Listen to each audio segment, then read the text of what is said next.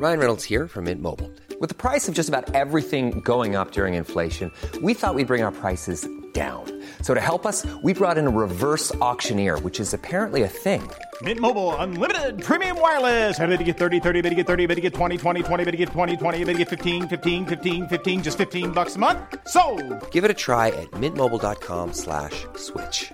$45 upfront for three months plus taxes and fees. Promo for new customers for limited time. Unlimited more than 40 gigabytes per month. Slows. Full terms at mintmobile.com.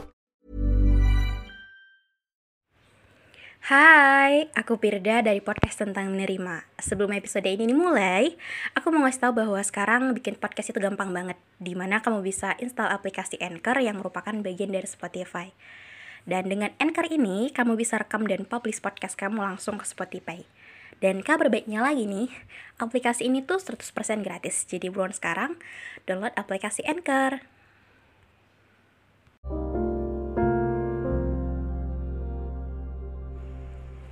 Untuk kalian yang pertama kali mampir ke podcast ini, hai, selamat datang.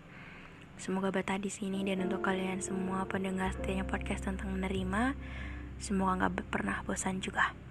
Jadi di episode kali ini aku cuma mau bacain salah satu cerita yang sudah kalian DM di Instagramku. Dan untuk kalian yang juga mau cerita, boleh banget DM aja di Instagramku Pirdeni semua orang. Oke, tanpa berlama-lama, mari kita bacakan ceritanya. Halo Kak Pirda, makasih ya udah buat tempat cerita kayak gini. Semoga kakak sehat selalu. Ini tentang aku dan dia.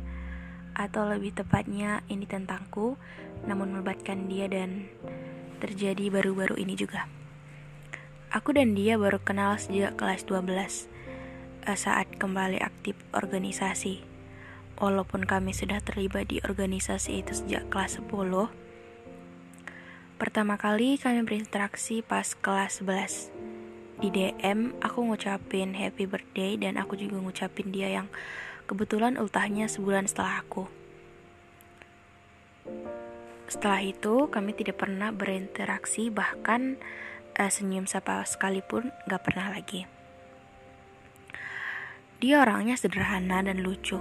Rasanya perkumpulan organisasi bakal sepi kalau dia nggak datang. Dan dari kepribadiannya itu, aku mulai suka sama dia. Tepatnya di awal bulan September sewaktu kami sibuk mempersiapkan acara pengukuhan untuk anggota baru. Untuk pertama kalinya kami ngobrol untuk hari kedua pengukuhan yang diadakan seharian penuh.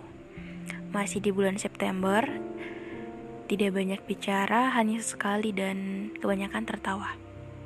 Sejak itu kami berteman seperti dengan yang lainnya, berlanjut di kegiatan-kegiatan lain di minggu-minggu berikutnya. Tapi dari kabar-kabar yang aku dengar, dia menyukai temannya yang kebetulan satu kelas bahkan satu circle dengannya. Memang tak jarang aku melihat mereka dekat.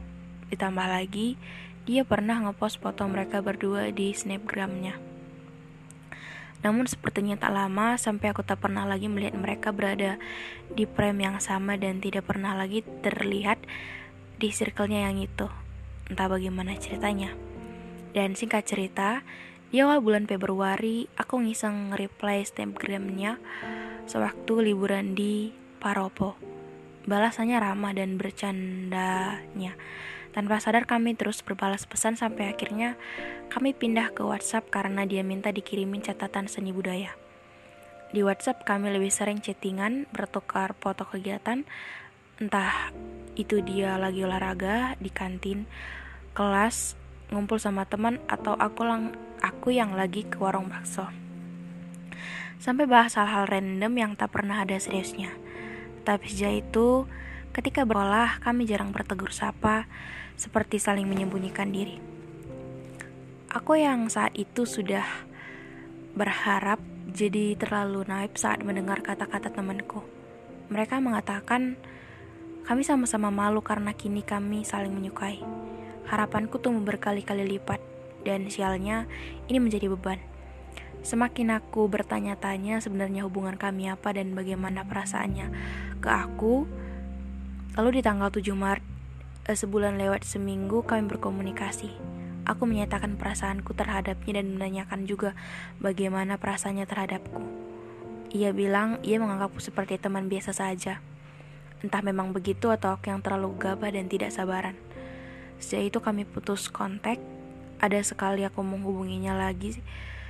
Tapi setelah itu tidak seasik saat Februari hingga akhirnya topik tidak jelas itu mati sendiri. Tak hanya asing, kini kami juga saling menghindar.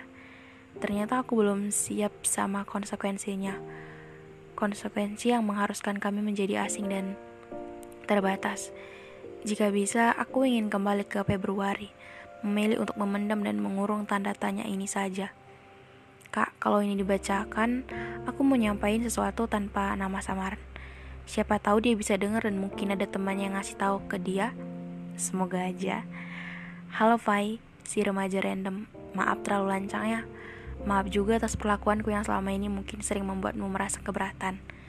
Aku selalu rindu kamu dan enggan untuk mencoba buat gak suka sama kamu lagi. Room chatmu di WhatsApp masih ku sematkan. Pembaruan aktivitas Instagramku masih sering nangkring di bar notifikasiku. Ringtone pesanmu juga masih khusus. Bahkan pesan-pesannya masih sering aku baca. Aku selalu dengar lagu Wish You Were Here kalau kamu rin kalau rindu kamu. Kupikir kamu suka lagu itu karena lagu itu masih ada di highlight Instagrammu. Tolong jangan ada yang diubah ya. Semoga kamu bahagia dan sehat selalu. Itu saja. Terima kasih Kak Firda. Maaf kalau ini kepanjangan. Wow, speechless ya. Ngebaca cerita kali ini. Kenapa? Karena ya setiap kita melakukan sebuah tindakan pasti ada sebuah konsekuensinya mungkin kita tahu itu tapi uh, di cerita kali ini dari pihak cewek memang cukup sangat jelas gitu jelas dalam arti kayak ketika dia suka dia mau menyatakannya dan ketika dia menyatakannya dan respon dari si cowok atau si Fai tadi seperti ini mungkin akan sedikit menyesal, iya. Tapi gimana ya? Seenggaknya kita menyesal karena kita udah tahu jawabannya apa daripada kita menyesal karena nggak pernah mengatakannya.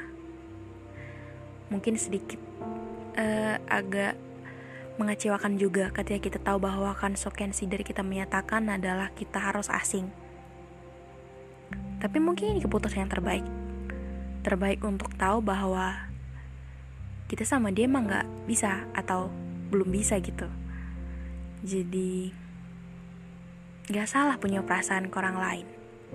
Dan gak salah juga orang lain untuk gak punya perasaan yang sama ke kita.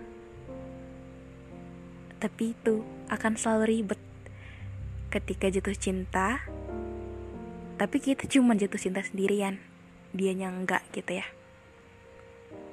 So itu aja sih untuk episode kali ini. Gak banyak hal yang ingin aku sampaikan atau saran yang aku kasih.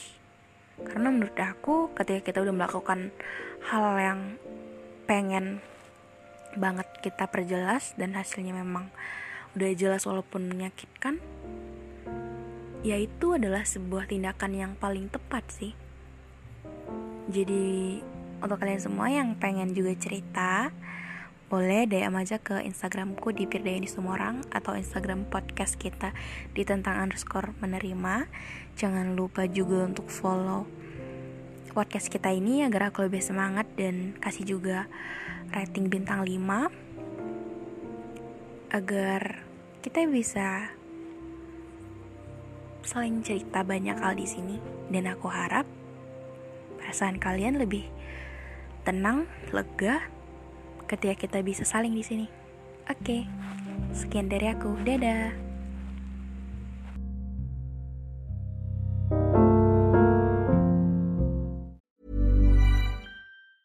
Planning for your next trip?